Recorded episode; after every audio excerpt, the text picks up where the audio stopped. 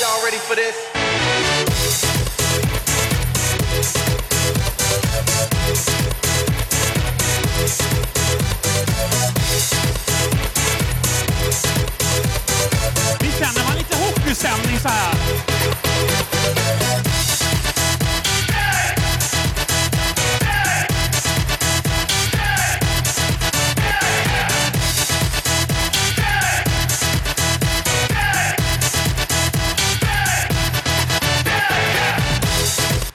Yes, yes, yes. Underbart! Visst, visst var det härligt? Hur många här har varit på en hockeymatch tidigare? Ja, ja, ja, men det var en och annan. Du vet, tänk man kommer in på arenan va. Och så är det så där bara tryck från början. Klacken är igång en halvtimme innan matchen har börjat. De står där på trumman och bara öser. Och så bara fyller det på, fyller på. Man sitter och ser värmningen vet du. Riktigt när folk de är ute på isen, de värmer upp, de skjuter och så. Man ropar redan från början va. Man är riktigt så här passionerad. Det, vissa av er vet vad jag talar om. Ni andra ser lite skeptiska ut. Men det är så, va? man har ett lag man håller på. Va? Och sen så, så, så drar matchen igång, domaren blåser och så till exempel går den här låten på gång och du vet hela arenan kokar. Och man bara njuter av att få vara där. Är det ingen som känner igen sig i det där? Jo då, det är, ni smyg håller allt på något lag. Jag vet det. Och sen vet du så, så, så är det sådär härligt. Va? Och sen när första laget trycker in pucken, man bara står, man tänker aldrig att man ska ställa sig upp, man bara står upp. Plötsligt så bara skriker man, bara, man flyttar nästan på folk. va? För man är så passionerad av att den här lilla gummitrissan kom in i nät. Eller hur? Ja, jag gör det, va? jag blir så här passionerad, jag bara älskar det. Va? Jag minns jag satt på en match uppe i, ja för er, Karlstad är ju en fin stad. Just det, Färjestad. Sveriges i särklass bästa ishockeylag. Jag satt där och såg dem mot Luleå i en match, jag och en kompis. Och domaren han höll på att fullständigt blåsa sönder matchen. Va? Varenda tekning så, så stod de där och när domaren skulle släppa pucken så väntade han lite. Och båda stod ju, och då skulle han byta spelare som teka. Han gjorde så vid varenda tekning. Jag tänkte, vad, vad har han för problem? Han är ju diagnostiker tänkte jag säga. Han är, något har han va? Så vi satt där och gång efter gång efter gång tänkte här, vad, vad, vad håller han på med? Så sitter jag med en kompis från Lidköping, Andreas heter han. Så, så står de där igen, det har gått ganska långt in i matchen. Domaren står där, ska släppa pucken och så släpper han inte och det är tyst i hela arenan. Då min kille Andreas, här, han tar i allt han har och skriker Släpp pucken! Och du vet, det var som om alla de 8000 vände sig och tittade på oss. Och jag tänkte, jag känner inte den killen som sitter bredvid mig där va. Eh, men det var så så härligt va. Och så är det när man är på hockey va. Och Jag tänker, man borde ju vara lite mer passionerad när man kommer till Guds församling. Än i en hockeymatch va. Visst är det så? Man borde liksom ropa ännu mer, va? man kan skrika lite, man kan springa omkring lite. Blir du lite passionerad under predikan, det gör ingenting om du står upp. Det gör ingenting om du applåderar lite. Jag bara njuter av det vet du. Det är fantastiskt. Ja.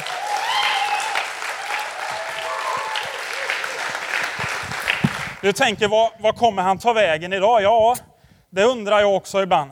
Men jag vet inte, det kommer bli bra. Det här kommer bli bra idag. Du, jag vet inte, talar jag högt? Jag har sett den här dämpar liksom ganska en del volym. Jag känner det ekar riktigt in i huvudet. Så här, men, ja, det gör det ändå, säger vissa, men det, det kan det säkert göra. Jag har en predikan idag som heter I vårt ställe. Eh, du vet, i vårt ställe. När man sitter där på den här hockeymatchen nu då, va? och så, så, så kommer en lirare va? och så, så hakar han någon. Och man ser domaren, han bara gör så här va. Och så gör han så va. Utvisning, två minuter, sätt i båset. Och så åker spelaren ut. Va? Man tänker inte så mycket mer än att nu är det powerplay eller boxplay här va. Men så, så kommer det en liten sekvens senare så har vi en kille bakom, eh, eh bakom sarg. Precis bak, eller bakom sarg ska man inte vara. Då har man problem. Om man är bakom mål, vid sargen, och så blir målvakten lite upprörd sådär. Du vet, han, eh, han är lite skyddad överlag, målvakten. Ta sin klubba, va? den är ganska mastig, tar upp den och så bara trycker rakt in i ryggen. då blåser också domaren. Och så sätter han utvisning, crosschecking. Men problematiken här är ju att målvakten behöver inte åka och sätta sig i utvisningsbåset. Låt, titta här nu, nu ska vi ta regelboken, rakt upp och ner. Det står det så här, jag har kopierat ur här nu så ni kan vara helt lugna. Tillvägagångssätt vid målvaktsutvisning. En målvakt åker aldrig till utvisningsbänken. Det är som man ska bli målvakt nästan. Då kan man ju ja, göra ett och annat.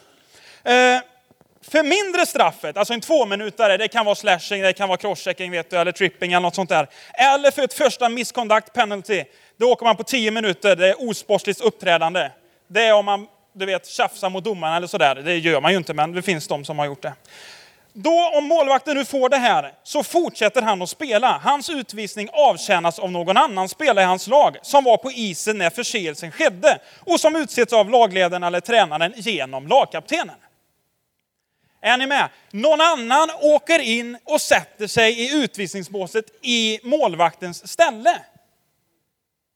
Vilken schysst grej, vet du. Eller det är inte schysst för spelaren, men vad schysst för målvakten. Han kan liksom riktigt hugga ner någon då. Ja, det kan han ju inte. Men. Eh, han behöver inte åka ut och sätta sig, utan någon annan åker till båset och sätter sig i hans ställe. Man skulle, förlåt, det var lite jobbigt de här skrillorna alltså. Eh, man skulle kunna säga att, att han, blir en, den här, han blir en ställföreträdare, den här spelaren. Vet ni vad en ställföreträdare är? Det blir en del uppenbarelser idag känner jag. Eh, om man slår upp det så står det ersättare. En ställföreträdare, en ersättare. Alltså spelaren åker ut och sätter sig i båset istället för målvakten. Ett annat ord är representant. Alltså spelaren blir representant för målvakten. Får sitta där i utvisningsbåset med struten på sig. Nu har man inte det va? Men ni förstår känslan va? Får sitta av det där. Vem plockar man då? Ja, den sämsta spelaren säkert. Taktiskt så. Eh, får sitta av de här två minuterna. Ett annat är ombud. Det har jag sett vi har i församlingen. Man är ombud för grejer. Nu har jag äntligen förstått. Man är representant. va? Eh, tillförordnad eller avlösare är andra ord för just ställföreträdare. Man använder även det här ordet i, i rättsliga sammanhang. I en domstol så, så är det den person som för talan för en annan person som inte själv har förmågan att kunna tala. Då plockar man in en ställföreträdare som då talar istället för den här personen. Hänger ni med här? I vårt ställe handlar den här predikan om. Eh, och du tänker att vad, vad, vad, håller, vad, vad är det här? Jo, men det är en enkel predikan. Du, vet. du och jag är ju vanliga, enkla människor. De flesta av er eh, är vanliga, enkla människor. Och vi har ju ställt till det ibland. Jag har ställt till det många gånger kan jag säga.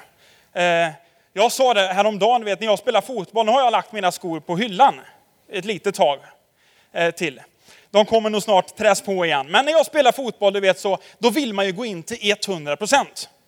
Ja, man vill ju inte gå ut på planen och mes. Jag blir irriterad på folk som inte ger allt.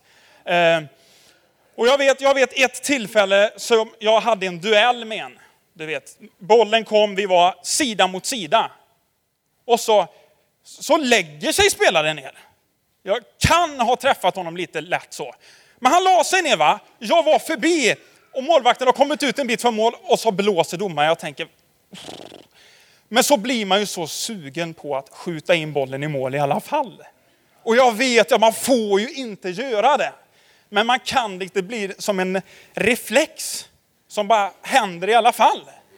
Så jag ser bollen och hinner inte tänka mycket annat. Jag klippte till och den går rakt in i mål och jag vet upp med händerna och det gör liksom domaren också i stort sett då. Eh, med ett gult kort. Eh, inte riktigt lika bra va? En annan gång så, så jag kom lite sent in va. Mot en, en, eh, en spelare också. Jag var lite långsam i mina rörelser. Eh, och när jag närmade mig spelaren så insåg jag att bollen har redan åkt förbi. Men man fullföljer ju vad man har påbörjat. Det har jag lärt mig. Eh, så jag fullföljde fullt så att säga. Och jag tog med hans ben eh, en bit iväg. Och eh, samma sak där, va? man kom upp det där kortet. Vad tänker ni, han är buse på plan? Nej, det har bara hänt någon enstaka gång. Det var de här två plus några till som jag inte behöver ta upp idag. Det är inte många alltså. Eh, men man vill ju liksom ge allt när man är på planen. Va? Man vill ju inte vara så där mesig då. Så att, men man har ju ställt till det ändå och så har man, då får man det där straffet. Va? Efter tre sådana där kort, inte i samma match då, för man kan bara få två. Sen kommer det en annan färg. Då får man lämna planen. Men får man tre sådana i några matcher efter varandra så får man också eh, sitta kvar hemma och inte fortsätta spela. Man får, liksom, man får ett straff som man måste avtjäna. Man måste då eh, sitta över en match eller flera beroende på vad man har lyckats eh, göra på planen. Eh, och det straffet det kommer man inte undan. Jag kan inte säga till min, liksom, min, min mittfältskollega, du, kan inte du bli min ställföreträdare? Sätta dig i mitt ställe här så spelar jag i alla fall. Nej, jag får det ändå. Och så får man liksom ta det där straffet. Och du och jag som människor, vi har gjort massa fel. Det är en väldigt enkel predikan, men vi har gjort massa fel. Och straffet för de felen, det är ju faktiskt, Bibeln säger att syndens lön är döden. Det innebär att för de fel vi har gjort, det kan ju vara att man har ljugit eller man har lurat någon eller man har varit otrogen eller du vet, man har ställt till det. Straffet för den synden, det är att man ska dö. Det är vad Bibeln säger. Det blir en separation från Gud och det kommer man inte undan. Och problematiken här är att alla människor har syndat. Alla människor har lyckats göra fel. Alla människor är värda en utvisning. Är ni med? Men så har Bibeln ett sånt underbart budskap. Vi ska läsa tillsammans i andra Korinthierbrevet kapitel 5 och vers 21. Det kommer upp på, på skärmen också, men i som vill bläddra får jättegärna göra det. Andra Korinthierbrevet kapitel 5 och vers 21. Den här predikan handlar om i vårt ställe. Det är Paulus som undervisar, han säger så här att den som inte visste av synd, honom har Gud i vårt ställe gjort till synd för att vi i honom skulle stå rättfärdiga inför Gud. Alltså han säger den som inte visste av synd, vem är det? Jesus Kristus. Den som var prövad i allt, den som var frestad i allt, den var ut, som var utsatt för allt, men var utan synd. Honom har Gud gjort till synd i vårt ställe. Gud la all synd på Jesus Kristus när han hängde på korset. Gud la all synd på honom.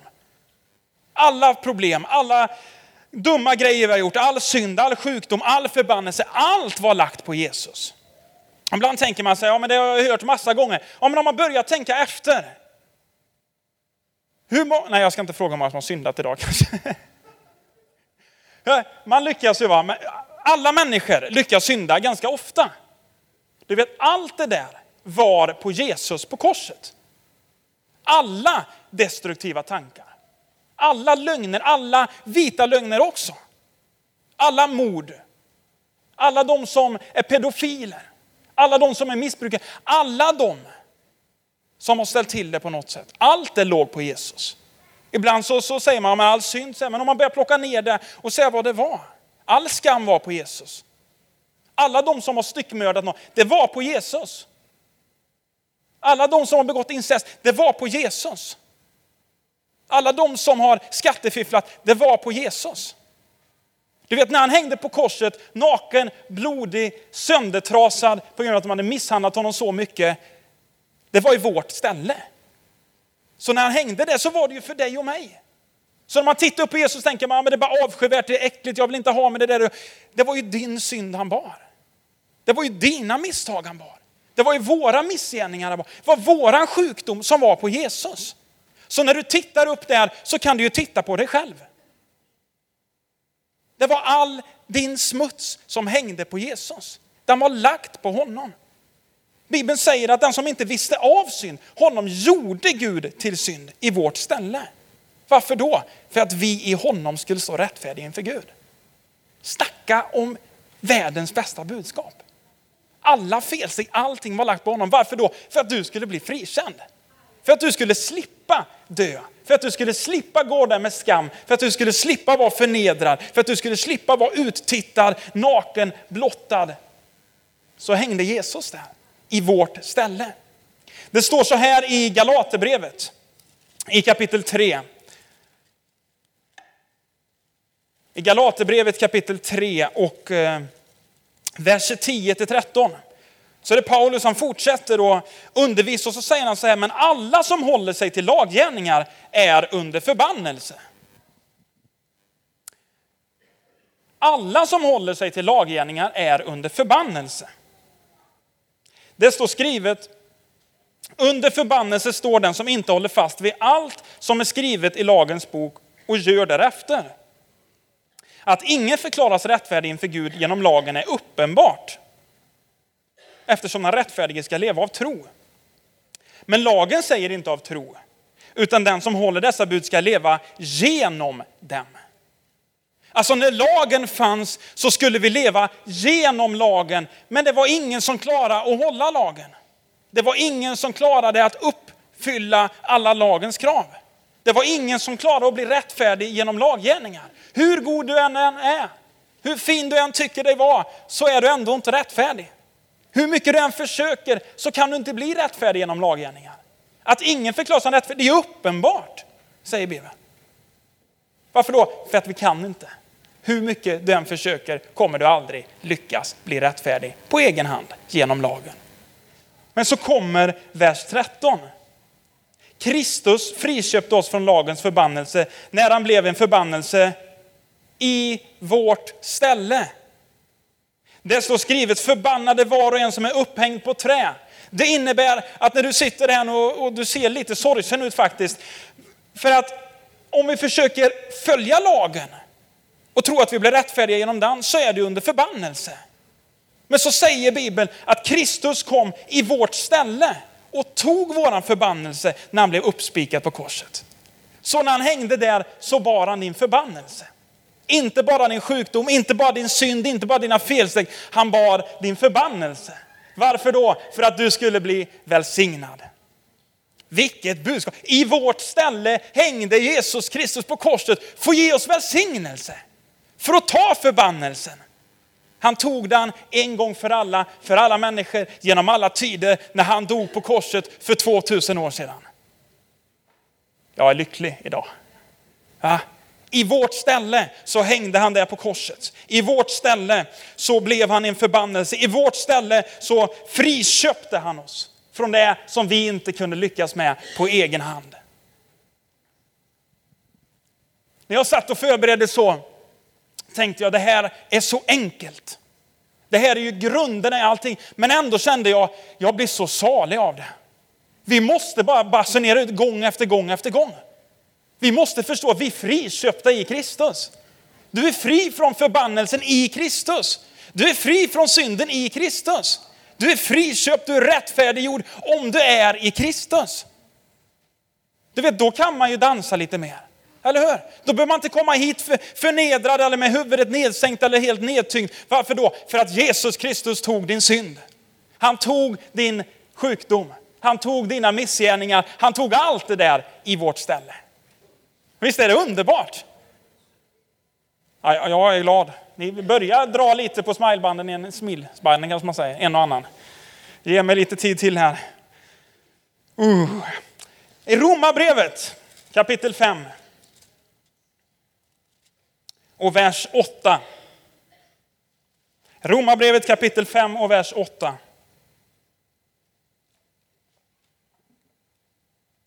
Är Paulus igen. Han ligger i, vet du, i vårt ställe. Han har fattat det här med vårt ställe. I vers 8 kapitel 5 i Romarbrevet så står det, men Gud bevisar sin kärlek till oss genom att Kristus dog i vårt ställe medan vi ännu var syndare. Alltså Jesus Kristus dog ju innan du hade syndat. Ja, du får, jag får inte ihop det, va? Nej, men det är så i alla fall. Han dog i vårt ställe medan vi ännu var syndare. Det är det här som evangelium handlar om. Att Kristus tog all synd innan den ens hade begåtts. Det kan man inte göra. Jo, om man är Gud kan man det. Och det är skönt att han är Gud, så att han kunde göra det. Kristus blev gjord till synd, till förbannelse, till förnedring i vårt ställe. I fredags förmiddag så hade vi samling här nere i kyrkan, alla vi som är med och bygger Segerstorpslägret. Det är ungdomspastorer runt om i, i gamla Skaraborg som eh, bad tillsammans och vi ropade till Gud och, för att vi ska få ett fantastiskt läge den här sommaren. Eh, Och vi började den dagen med att bara få sjunga lovsång tillsammans och ära Gud. Och när vi stod och sjöng lovsång så bara kom det över mig på nytt. Jag är friköpt. Alltså jag, ibland kan man ju bara du vet, känna gudsnärvaron så starkt. Tårarna började rinna ner för mina kinder. Jag bara insåg, jag är förlåten. Alla de där grejerna jag har gjort som jag skäms så mycket över att jag inte vill nämna det för någon. Bar Kristus offentligt för mig. För att jag skulle bli frikänd. Och så började jag inse sak efter sak efter sak. Jag är ju fri. Det kommer aldrig komma upp, domen är borttagen. För domen lades på Jesus Kristus för 2000 år sedan. Amen. Vilket budskap vet du. Vi är frikända. Om du sitter här idag och ännu inte känner Jesus Kristus kan du gå härifrån frikänd, förlåten och fri. Du kan gå härifrån med ett evigt liv. Du kan gå härifrån och veta att du kommer inte under domen. Utan du kan gå frikänd härifrån. För Kristus dog i ditt ställe. För att ge oss ett nytt liv. För att ge oss glädje. En evighet tillsammans med honom. Du vet, oj, oj, oj. Det är de goda nyheterna. Vägen tillbaka till Gud är öppen igen. När man läser i första Mosebok så står det att människan umgicks med Gud i Edens lustgård. Det står att Adam och Eva hörde när Herren Gud kom gående till dem vid kvällsbrisen. De hörde hans steg. Kan du tänka dig att höra när Gud kommer? Och han kallade på dem. Men Adam hade gömt sig och Eva. Han kan, de, hörde hans röst. Jag kan förnimma den ibland. Jag har aldrig hört den så här som jag hör min egen röst tänkte jag säga. Som jag hör någon annans röst. Men jag kan förnimma Gud. Jag kan uppfatta genom tankar. Jag kan få han att tala. Alltså han kan tala till mig genom sitt ord. Jag har aldrig hört det hörbart. Men Adam och Eva hörde Herren Gud. Kan du tänka dig den relationen från början? Det fanns ingen sjukdom då. Det fanns ingen synd från början. Det fanns inget mörker, det fanns inga tårar, det fanns ingen sorg, det fanns ingen förbannelse, det fanns ingen svartsjuka, det fanns ingen avundsjuka. Allt var perfekt. Kan du tänka dig tillståndet? Det är väldigt svårt i den tid vi lever i att tänka dig ett tillstånd där alla är sams. Där ingenting kan gå fel. Det finns ingenting man behöver oroa sig för. Det finns inga kryp du behöver vara rädd för. Det finns inga ormar, det finns inga vilddjur. Det finns ingen som dödar någon annan, det finns inga fängelser. Du behöver inte ta några vaccin, du behöver aldrig gå till doktorn. Allt är bara frid och fröjd. Kan du tänka dig det tillståndet som var från början? Och så säger Gud så här, att Kristus kom i ditt ställe för att du skulle få tillbaka den relationen. Att var och en som tar emot Jesus och tror på honom kommer få komma in i ett nytt rike som är det riket. Ett rike utan tårar, utan sorg, ett evigt rike. Ibland måste vi påminna oss om att det finns en evighet som väntar. Vi lever ett liv på den här jorden som kanske varar 70, 80, 90, 100 år om man lever länge. Men sen då? Sen börjar evigheten. Vårt liv här på jorden är ingenting i längd i jämförelse med vad som väntar. En evighet som jag vet att jag kommer spendera tillsammans med Jesus Kristus. En evighet utan någon plåga som aldrig tar slut utan bara av godhet. Ibland försöker jag sitta ner och bara tänka, men det är svårt att, att försöka skapa en bild av en evighet där det inte finns några krig. En evighet utan sjukdom. Ibland tänker jag att man aldrig någonsin behöver vara rädd för någonting. Att man aldrig någonsin behöver få ångest för någonting. Att man aldrig någonsin behöver vara nervös för någonting. Tänk dig den bilden bara och veta att det är en verklighet för oss alla som tror. Det är en verklighet som väntar på oss. Då börjar det bli värt att lägga allting annat åt sidan för att följa honom. Då är det värt att låta allting annat komma på andra plats och låta Jesus Kristus vara först. Vägen till Gud är öppen igen genom Jesus Kristus. Han blev gjord till synd i vårt ställe. Hebreerbrevet förklarade så här. Hebreerbrevet kapitel eh, 4 och vers 14 till 16. Så står det, då vi nu har en stor överstepräst, Jesus som är Guds son, som har stigit upp genom himlarna, så låt oss hålla fast vid vår bekännelse. Ty vi har inte en överstepräst som ej kan ha medlidande med våra svagheter, utan en som blev frestad i allt, liksom vi, men utan synd. Låt oss därför frimodigt gå fram till nådens tron för att få barmhärtighet och finna nåd till hjälp i rätt tid. Bibeln uppmanar oss att med frimodighet, alltså komma till nådens tron. När är det i rätt tid? Idag är rätt tid. Varför då? För att få barmhärtighet och hjälp. Inte för att få dom, förnedring, förbannelse. Utan du kommer med frimodighet till Guds tron. Och han sitter inte där med någon liksom, liksom hjälm på sin klubba och tänker nu ska jag sätta dit dig för varenda grej du har gjort. Han sitter där och säger, men du har tagit emot Jesus, du är fullkomlig, du är ren, du är rättfärdig. Han sitter och väntar på att du ska komma till honom genom Jesus Kristus. Ty vi har inte en överstepräst som inte vet hur det är. Han har ju vandrat på den här jorden. Jesus har ju gått här nere. Han har ju gått i Israel. Han har ju varit där, han har ju gått på, på vattnet. Han har ju varit där nere och varit prövad och frestad i allt. Han vet precis hur det är för dig. Han vet hur det är i ditt ställe. Han vet vad du upplever. Han vet vad du går igenom. Han känner dig utan och innan. Och han har medlidande med dig. Och han säger, kom därför med frimodighet fram till nådens tron för att få hjälp och barmhärtighet i rätt tid. Idag är rätt tid att få barmhärtighet och hjälp och komma till nådens tron. I första Johannes i första Johannesbrevet kapitel 2 Jag ska avsluta med det här bibelordet. I första Johannesbrevet kapitel 2 och vers 1-2.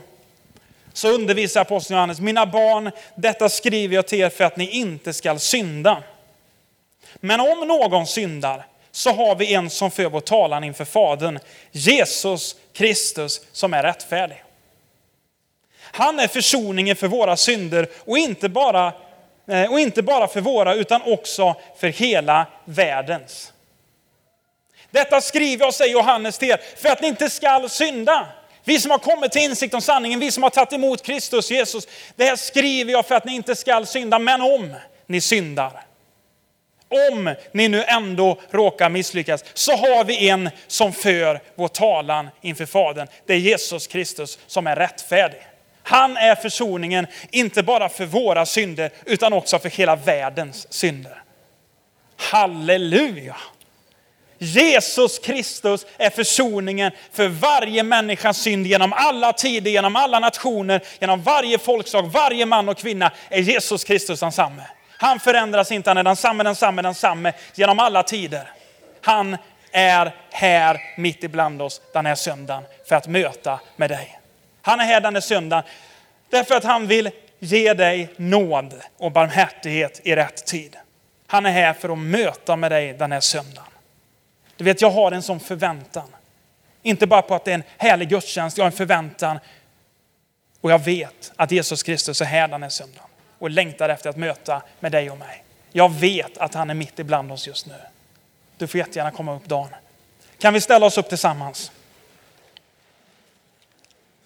När jag var 14 år gammal så gav jag mitt liv fullt och helt till Jesus Kristus. Jag är uppväxt i en kristen familj, men jag valde att låta hela mitt liv läggas i Guds händer. Jag gick ner och lät döpa mig när jag var 14 år. Det bästa beslut jag har gjort i hela mitt liv. När Jesus Kristus fick bli Herre, när mina synder blev utraderade helt och fullt. Och jag upptäckte livet tillsammans med Gud. Ett år senare så eh, var jag på Segeltorpslägret och hade förmånen att få bli döpt i den heliga Ande. Ledan alla händerna på mig och bad och så kände jag bara att nu, jag kan inte beskriva annat än att han flyttade in. Den helige Ande flyttade in. Plötsligt så bara bubblar det på insidan en sån glädje som jag tror bubblar mer för varje dag som går. Jag blir inte av med glädjen tänkte jag säga. Jag kan. Det bara finns där. En källa av liv på insidan som bara flödar fram. Och jag bara känner när jag vaknar upp på morgonen, en ny dag. Det är en ny dag tillsammans med Jesus. Det är en ny dag då nya människor kan få uppleva Guds barmhärtighet. Det är en ny dag då vi kan hjälpa någon, då vi kan älska någon, då vi kan bry oss om någon annan. Få ge evangeliet vidare. Och från den dagen så insåg jag också att det är vår kallelse och plikt att predika evangeliet för alla människor. Oavsett vad du har för kallelse eller tjänst i ditt liv så är du kallad att vara en människofiskare. Du är kallad att berätta för Jesus, för, om Jesus för andra människor. Du har ett ansvar mot din familj, mot dina släktingar, mot dina grannar. Att visa på Jesus. Jesus är ingen grej man håller för sig själv. Jesus är något som syns. Han märks, han hörs. Lever du med Jesus så kommer människor märka det. Gör de inte det, då är det något fel i relationen med Gud. Det kommer synas på dig. Det kommer höras på dig. Man kan inte vara tyst.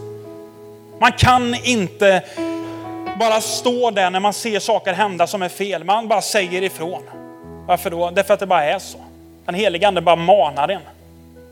Visst finns det tillfällen när man står i valet och kvalet och den helige ande trycker på. Man, man tycker det är lite jobbigt sådär. Och, man, du vet, och så missar man tillfället och så är man sådär ledsen och så kommer man hem och helige ande förlåt, förlåt, förlåt, förlåt. Varför löd jag inte dig? Visst finns det sådana tillfällen också. Men då vet man i alla fall att den helige ande var där och påminde. Den helige ande är där hela tiden. För att låta dig vara ett vittne för honom. Jag skulle den här söndagen vilja ge en inbjudan till dig som ännu inte känner Jesus Kristus. Eller kanske det är så att du har tappat bort honom och låtit synd komma in i ditt liv och du lever inte alls med Gud längre. Och jag skulle önska att vi alla här inne kunde blunda med respekt för varandra. Jag ska inte plocka fram dig hit till scenen, jag ska inte peka ut dig. De enda som kommer titta det är jag och vårt uppföljningsteam. Och jag skulle önska att vi alla andra bara kunde böja våra huvuden, sluta våra ögon. Och så vill jag fråga med respekt för varandra här inne, om du finns här som ännu inte har tagit emot Jesus, men denna söndag säger jag vill också ta emot honom. Jag vill också lära känna honom. Jag vill också ta emot syndernas förlåtelse. Eller om du finns här som har låtit synd komma in i ditt liv och säger jag vill ta emot syndernas förlåtelse på nytt. Jag vill bli ren. Medan alla blundar inne vill du bara räcka upp din hand just nu i så fall. Tack Jesus. Finns det flera inne så bara räck handen rakt upp. Tack Jesus. Det är flera händer som går upp.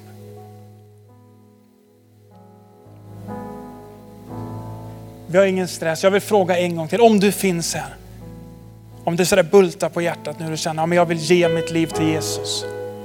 Så räck upp handen nu i så fall.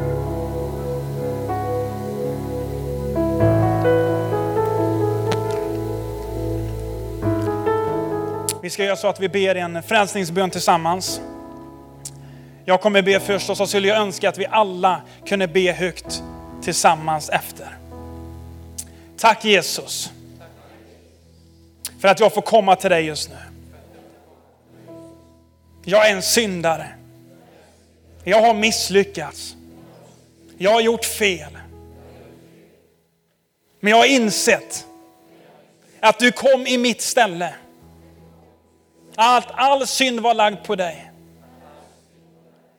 Och att när du dog på korset så betalade du priset för mina synder och för hela världens synder. Denna dag så tar jag emot dig Jesus. Jag vill göra dig till Herre i mitt liv. Förlåt mig all min synd. Förlåt mig mina felsteg. Förlåt mig mina missgärningar. Från och med denna dag så tillhör jag dig. Jag vill följa dig. Jag vill vandra med dig. Jag vill leva med dig. I all evighet. I Jesu namn. Amen. Amen. Amen. Amen. Om du bad den här bönen för första gången så är det det bästa du har gjort. För vet du vad? Då har Jesus flyttat in i ditt liv. Då har Jesus fått bli Herre i ditt liv. Åh, vad underbart det är. Synderna förlåts. Och han bara sköljer rent med sin närvaro. Det är helt fantastiskt. Nästa steg vet du, det är att låta döpa sig och ge sitt liv fullt ut till Jesus. Det är att säga, jag vill också begrava allt det gamla för att följa Jesus och vandra tillsammans med honom. Om du finns inne som säger, jag är inte döpt, men jag skulle så gärna vilja låta döpa mig. så kan du väl bara komma fram efter gudstjänsten till Sven eller mig eller någon annan av ledarna här. Så vill vi bara sitta ner med dig och samtala och sen vill vi, vill vi ha dop. Vi älskar dop, det är det bästa vi vet. När människor fullt ut bara ger sina liv till Jesus. Underbart. Vi ska snart gå in och fira nattvard tillsammans. Vi ska låta Dan och teamet få sjunga en låt här. Så får ni jättegärna sitta ner under tiden här.